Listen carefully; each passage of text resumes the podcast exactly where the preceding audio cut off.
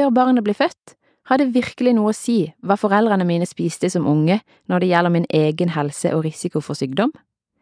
I dagens episode av Skills for Life-podden får du møte doktorgradsstipendiatkollegaene mine Erlend Valen og Lorentz Salvesen, som også er tilknyttet forskningssenteret Life Course Nutrition ved UiA.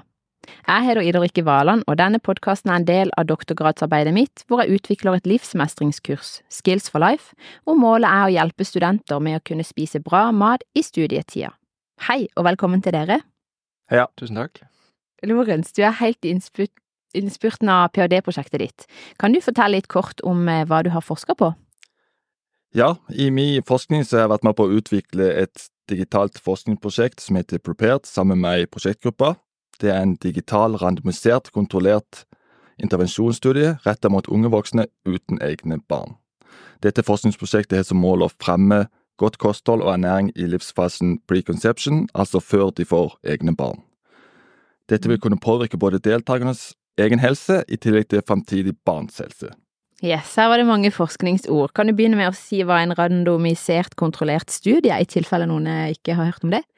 Ja, det er jo sånn at du trekker inn populasjon eller rekrutterer deltakere, og så blir de randomisert i enten ei intervensjonsgruppe som får det tiltaket, eller kontrollgruppe mm. som ikke får det. Og så kan en sammenligne. Ja. Med å randomisere det, skal dette fordele karakteristikkene blant det, det utvalget, sånn at det ikke vil være bias eller feil. Ja, feilkilder. For poenget med randomisering det er jo å gjøre det tilfeldig, sånn at det, det skal være mest mulig likt i gruppen. Mm. Sånn at en kan kunne se om dette har en effekt eller ikke. Ja, at det ikke er visse karakteristikker i den ene gruppa som påvirker resultatet i forhold til den andre. Ja. Så det dere skal gjøre, er egentlig å teste ut en intervensjon, altså en, et type forsøk da, som dere har designa og lagd, Mm. og se om det har en effekt på helse, da. Ja, vi skal se om det har effekt på først på kostholdet, Mhm. og så i senere tid så vil det da bli kobla opp mot uh, hva det heter Eh, Det er jo medisinsk fødselsregister Mm, med helsedata på fremtidige barn, da. mm. og på svangerskapsutfall. Mm. Ja, så den intervensjonen, jeg har jo hørt litt om den, ikke sant. Det er jo, kan der, kanskje du Erlend vil fortelle litt om hva den innebærer? Ja, eh, Lorentz fortalte jo litt, da. Eh, men det er jo på en måte, ja, de får jo tiltak, og dette tiltaket er jo en, det er en nettside med forskjellige råd da, som vi har laga eh, her på UiA. Eh, og den er egentlig, det skal være litt sånn lavterskel, eh, og ikke være for liksom ovenfra og ned, og eh, ja, inneholde litt videoer og litt eh, oppskrifter og sånn, for å liksom fremme disse her norske kostrådene. Mm. Og for å være helt ærlig så har jeg stjålet noe av den fra, eh, fra Prepare til Skills for Life, så noe av eh, disse filmene eh, blir eh, gjenbrukt faktisk i filmene til Skills for Life, og noen av oppskriftene. Så det er veldig kult, for vi er jo helt samme målgruppe egentlig, Mm. selv om dere fokuserer jo på unge voksne før de har fått barn, ikke sant? Mm. Mens jeg fokuserer på førsteårsstudenter. Men det kunne jo vært på en måte De kan jo være i samme grupper. gruppe. Så, Ja. Mm. eh. Så disse her eh, filmene og eh, Du sa de får noen råd. Mm. Filmene og oppskriftene, hva er det for slags råd de får? Det er lenge siden jeg har vært der inne, men eh, ja, det er jo liksom med norske kostråd med å spise frukt og grønt og eh, mindre rødt kjøtt og kanskje litt sånn alternativer til, til i matretter, for eksempel, da. Hva, Mm. hva som kan være alternativer til ja, eller andre proteinkilder, da. Mm. Jeg husker bare den som heter å sunnifisere maten, Ja. og, Det er jo for som, eksempel et og gjør det litt mer så du gjør alt litt sunnere, så, Ja. mm. så monner det i til slutt. ja. Og det er, akkurat, det er akkurat samme fokus egentlig som i Skills for Life. Vi baserer oss på kostrådene, og så ønsker vi at studentene skal prøve å kanskje lage litt mer mat fra bonden fremfor å spise ferdig, og spise mye frukt og grønt og fisk og den type ting, da. Mm. Yes. Men eh, litt tilbake til dette med forskninga di, Lorentz. Du, eh, altså, jeg visste jo ikke hva en doktorgrad var da jeg var førsteårsstudent. Kan du bare fortelle kort hva det innebærer? Ja, jeg tenkte litt på det. Det er et ganske stort spørsmål å skal svare på få minutter.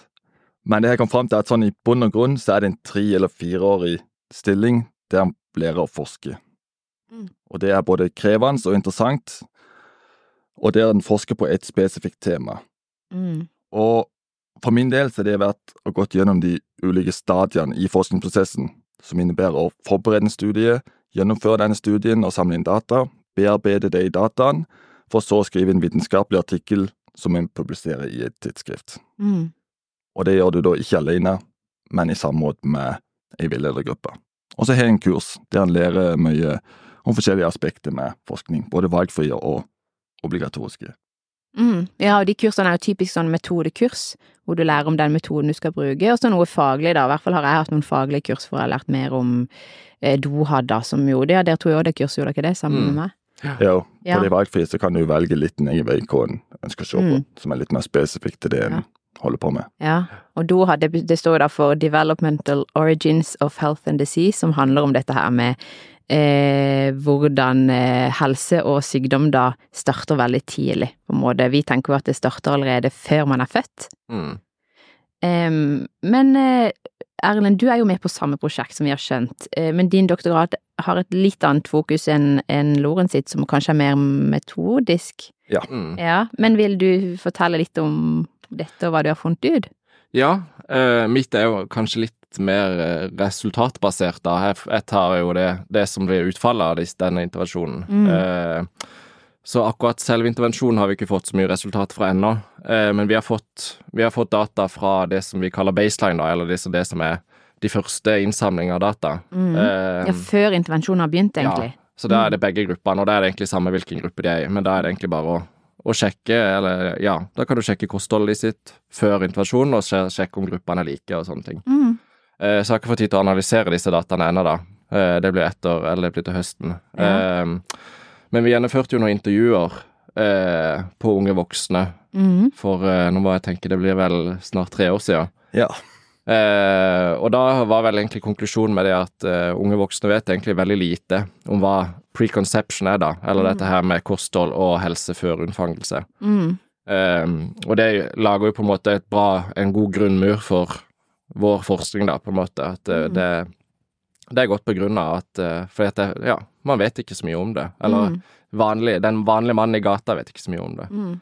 Og det, det er jo helt sant, for det skal du lage et svært tiltak. At en konduktorgrad er jo eh, tre eller fire år, ikke sant. Det er jo hvor mye regner man Man skal ha lønn, og, og veilederen skal ha lønn, og det er jo på en måte et kost, eh, kostnadsfullt prosjekt. Mm. Så en kan ikke bare bruke penger på å utvikle ting som ikke vi Ja, som ikke det er noen grunn Nei, nei. for å lage, ikke sant. Det har blitt gjort mye forskning på forhånd, ja. Ja. Så, liksom, ja. Så dere har sett at. Ja, de har sett at på en måte Først noe, en sånn undersøkelse blant eh, studenter, Mm. hvor man så litt om kostholdet der. ja. Vil du si litt kort hva det fant ut? Uh, ja, det var jo en sånn en, uh, mat, et, Vi brukte et matfrekvensspørreskjema. Det er jo litt sånn hvor mye de typisk spiser i løpet av uh, de siste fire ukene av diverse matvarer, da. Eh, og da Konklusjonen var vel at det spises litt for mye lite frukt og grønt. Litt for lite frukt og grønt. Ja. ja. Eh, og så var det mm, litt for lite jern, jod, eh, vitamin C hos menn, Mm. og så for lite vitamin A hos begge Mm. kjønn. Eh, og så var det vel litt for lite fet fisk. Så Mm. det var De var i, i tråd med kostrådene på noen ting, men Mm. eh, det var en for, forbedringspotensial. ja. på- Og dette var jo nesten 1000 studenter. 1000 UiA-studenter, var det Ja, ikke det? Ja, det var det. Ja. Så det er jo en stor gruppe da en har sett Ja, på. det er jo det. Men man, jo, man skal jo være forsiktig med å trekke konklusjoner for tidlig, men ja. Det er sant. Ok, så dere har sett at studenter har forbedringspotensial når det gjelder kosthold, mm. og de har potensial til å lære mer eh, om dette her med preconception health, eller at det man spiser før man får barn, har noe å si.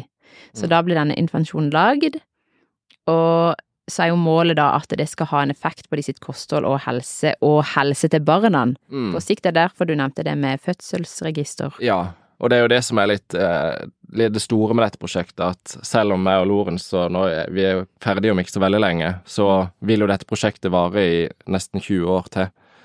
Fordi at selv om vi samler inn data nå, så vet vi jo ikke når de, disse deltakerne får barn, Mm. eller eventuelt får barn. Så, så derfor må vi ha de, disse dataene ganske lenge før vi vet hvor god denne intervensjonen har vært. Da. Mm. Ja. Mm. Men eh, hvorfor valgte dere å forske på dette, egentlig? Ja, for min del, meg som begynte før Erlend der, så, så var det hva jeg fikk muligheten når jeg skulle skrive masteroppgaven, å være med helt i starten av dette prosjektet, som var å utvikle et matvareregningsskjema, eller Food Frequency Questionnaire, som vi kaller det. Mm, et verktøy for å måle kosthold, ikke sant? Ja, i denne gruppa på preconception, og for min del så var det mer det metodologiske bak det, som igjen har ført til at jeg har det metodeaspektet i doktorgraden. Mm. Men litt mer hva som ligger bak selve da forskningsdataen. Ikke bare at du får et tall som et gjennomsnitt og trekker konklusjoner basert på det, men hva som ligger bak selve datainnsamlinga. Og, og da kommer vi inn på dette med validering av spørreskjema, og faktisk forsikre seg om at det kartlegger det du vil kartlegge. Mm. Ja, for det er mange feilkilder knytta til ernæringsforskning. Ja, det er Veldig mye. Ja, Mm. vil du si litt kort om det? Ja, i sånn verktøy som vi bruker som kartlegger kosthold bakover i tid, så er det ofte det at de kanskje ikke husker hva de spiste, Mm. kanskje de feilestimerer mengden, Mm. og det er jo feilkilden må ta i betraktning og prøve å motvirke når en utvikler disse verktøyene. Mm. Ja, for forskning viser jo at eh, folk generelt kanskje underrapporterer av usunne ting og overrapporterer av sunne ting. Ja, så det er vel jevnt over så overrapporterer en eh, frukt og grønt, og underrapporterer smågodt og Ja. og mindre sunne ting. Og så er det også sånn, hvis du, for det, nå sa du at det er de som går tilbake i tid, hvis du på en måte skal huske hva du spiste i går, Mm. eh, men hvis du for, for eksempel skal registrere det du spiser fra i dag, og så ei uke frem i tid, eller eh, to dager, eller hva det er, så kan det òg hende at du tenker å shit, nei, nå må jeg skrive ned alt jeg spiser, og da gidder jeg ikke å spise den sjokoladen, eller jeg har ikke lyst til at forskeren skal se at jeg spiste eh, chips, så da skriver jeg ikke det, ikke sant? Eller, å, jeg vil være flink nå for å skrive liksom en bra kostregistrering. Ja, det er det de kaller for reactivity. Det er at du endrer ditt kostholdsmønster fordi at du vet at du blir observert. Ja. Mm. Ja. Eh, Så det er nok heller ikke uvanlig at det skjer. Eh, og da måler du jo egentlig ikke det man egentlig spiser, altså kostholdet, eh, men da, spiser, da måler du jo det du ønsker å spise, kanskje Mm. heller. Mm. Yes. Men eh, eh, hva vet vi egentlig om kosthold før man får barn? Altså hvordan det kostholdet påvirker fremtidig barns helse? Ja, det har jo mange, mange veier på en måte til å påvirke. Det er jo både gjennom, gjennom sædceller og gjennom eggceller, på en måte, da. Eh, Det er jo hoved, eh, hovedpåvirkningsveien, kan man Mm. si. Og det er jo mange, det er jo på en måte, det er jo forskjellige livsstilsvariabler som, som har mye å si, og så er kosthold en av de, da. Mm. Eh, Men det er jo eksempel røyking og fysisk aktivitet og ja.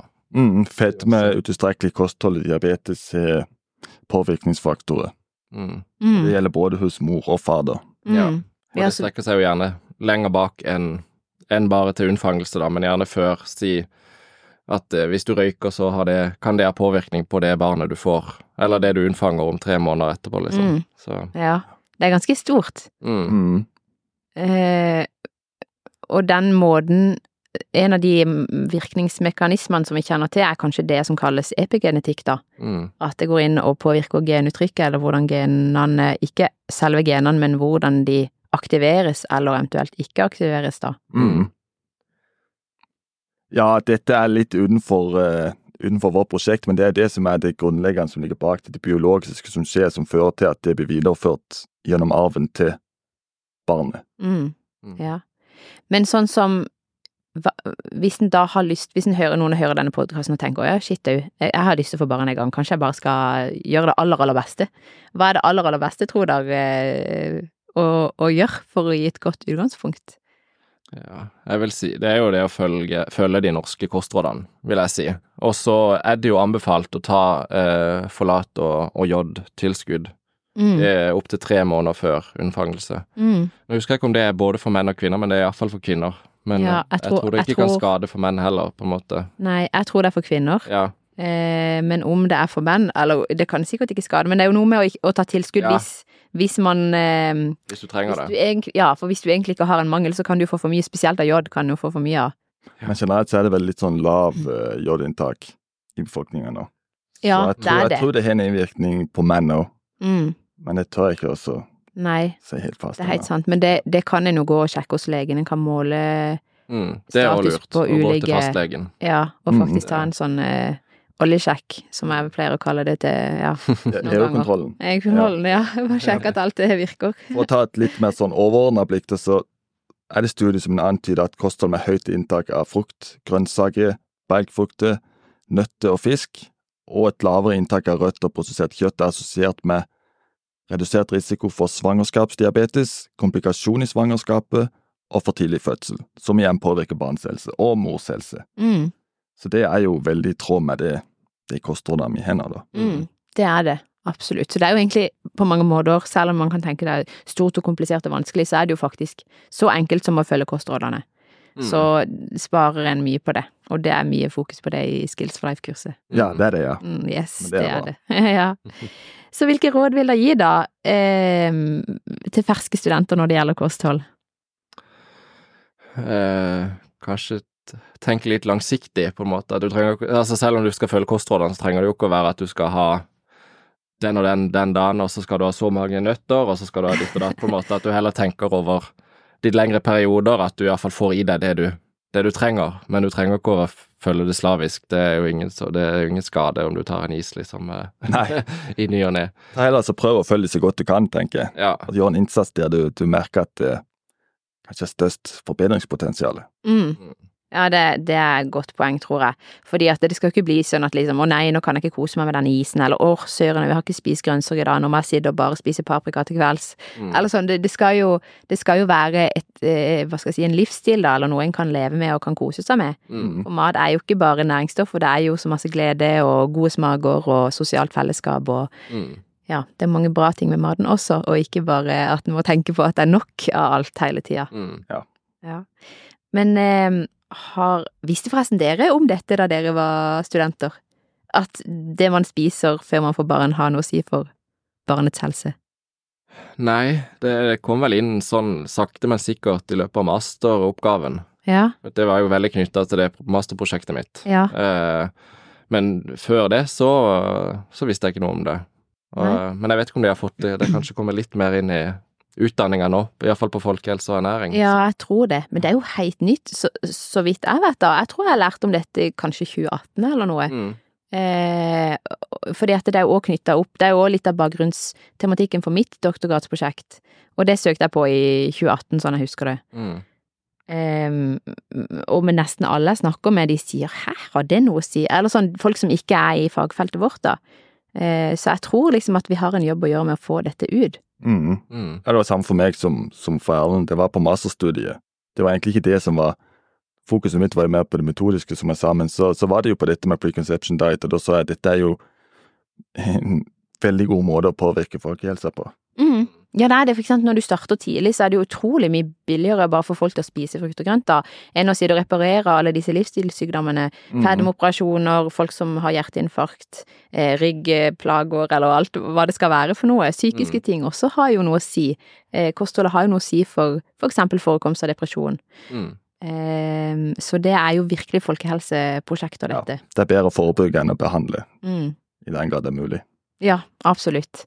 Men så til slutt, eh, har dere noen råd jeg vil gi til ferske studenter når det gjelder alkohol og drikkevaner? I dette perspektivet, da. I, I dette perspektivet, ja. Ok, ja, for nå tenkte jeg å gå tilbake til kostrådene igjen. Og der er det jo det at det er ingen anbefalt nedre grense for alkoholinntak. Mm. Men eh, ja, jeg har sjøl vært student, så jeg vet at det er ikke så lett å, å følge alltid. Så da, da tenker jeg at eh, stikkordet må være måtehold. Ja. Tenkte jeg litt om. Ja. Jeg, jeg drikker jo ikke sjøl, så jeg har liksom aldri det, For meg er det jo lett å si at ja, det er bare å ikke drikke, men eh, det er jo litt sånn, ja. Jeg skjønner jo at det, er- det er kosig å ja, Ja. drikke alkohol noen ganger og ja, være sammen med andre. Og, ja. ja. Men det er nok det, ja. Med, litt, med måtehold, ja. Mm. Så, Men i forbindelse med preconception, så har jeg noe, og der er det det at bruk av prevensjon er viktig. Mm. For ukene rundt unnfangelsen, det er en kritisk periode der fosteret, eller embryo da, er svært sensitiv for eksponering som røyk, alkohol og andre narkotiske stoffer. Mm. Og det var litt som Erlend nevnte med røyking i stad, at hvis en planlegger å bli gravid i løpet av de neste tre månedene, så burde en nå redusere inntak av alkohol, eller bare frastå det fullstendig. Og det gjelder også for menn, for det har de sett at selv sporadisk inntak av alkohol kan påvirke sædkvaliteten. Mm. Så det er ikke bare kvinnene som faktisk bærer det barnet, men der er mennene også med og, og kan påvirke helsa til Mm. barnet. Så hvis en er i en fase hvor en faktisk planlegger å få, få barn, så kan det være en periode hvor en kanskje også er innstilt på å gjøre noen endringer i kosthold akkurat rundt de månedene før og etter, da, som jo er en liten del av livet, kanskje. Mm. Og så tenker jeg også det der med alkohol i studietida er jo, i hvert fall studiestart, er jo forbundet med mye festing og, og sånn, og jeg har forståelse for at, jeg, ja, jeg har også forståelse for at folk har lyst til å ha det gøy og kose seg, og det er jo ikke det, jeg tenker det er jo ikke det vi vil at folk ikke skal, men jeg tenker at det går an å kose seg, ja, med måtehold også da, at en kan kose seg med andre ting, eller mindre mengder, Mm. eh, hvis en vil ta vare på egen helse og fremtidige generasjoners helse, da. Mm. Ja, og det går jo litt inn på dette med at det er ganske høy andel av ikke-planlagte graviditeter. Og der kommer du inn på det med at da er det ikke mulig at du vet det før litt senere, og da kan alkoholinntaket ennå forekomme selv om du da faktisk er gravid. Så da Mm. er det Mm. bedre å bruke prevensjon og prøve å planlegge litt. Mm, absolutt. Og så tenker jeg at eh, for de som kanskje har gått i denne, hva skal jeg si, eh, uønska situasjonen da, hvor en kanskje har blitt gravid og drukket masse alkohol, så kan det være mye skam og negative følelser knytta til det. Absolutt. Og da er jo trøsten at ofte så går det jo veldig fint likevel. Mm. Eh, men, men hvis en har mulighet til å planlegge, så er det kanskje det på å være, lurt å være på den sikre sida da, i forhold til dette med alkohol. Men andre ting man kan drikke, det er jo både kaffe og det er eh, sukker, altså sånne energidrikker og brus, og har dere noen tanker om sånne ting? Er det bare å kose seg vel, vei, eller er det bare vann som gjelder? Nei, koffein er jo, er jo ikke bra under kost, nei, under eh, graviditeten iallfall. Mm, Um, og det samme er jo det med energidrikker. Mm. Um, Ja, fordi det inneholder koffein, ikke sant, og det Ja. påvirker, eller kan påvirke mm, fosteret negativt. Ja, det Ja. kan det.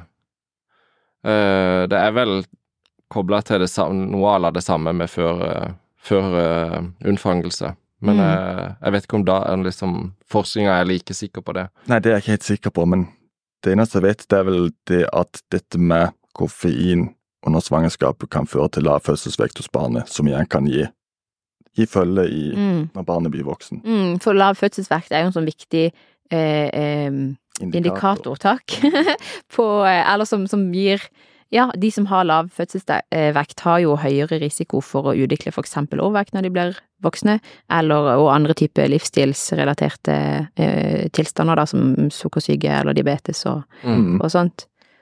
Ehm, så jeg, og jeg er jo helt enig med eller sånn, Det er jo ikke noe sånn veldig tydelige råd. Det er derfor vi er litt sånn vage i, i formuleringene våre her. For det er jo ikke sånn at det, det er veldig vanskelig med ernæringsforskning å si det. At jo, men drikker du fire kopper, så skjer det. For det Mm. folk er ulike, og alt kan man ikke måle, og det er usikkerhet knytta til resultater og sånn.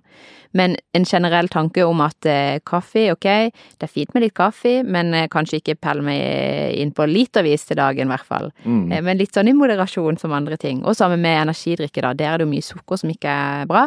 Og koffein.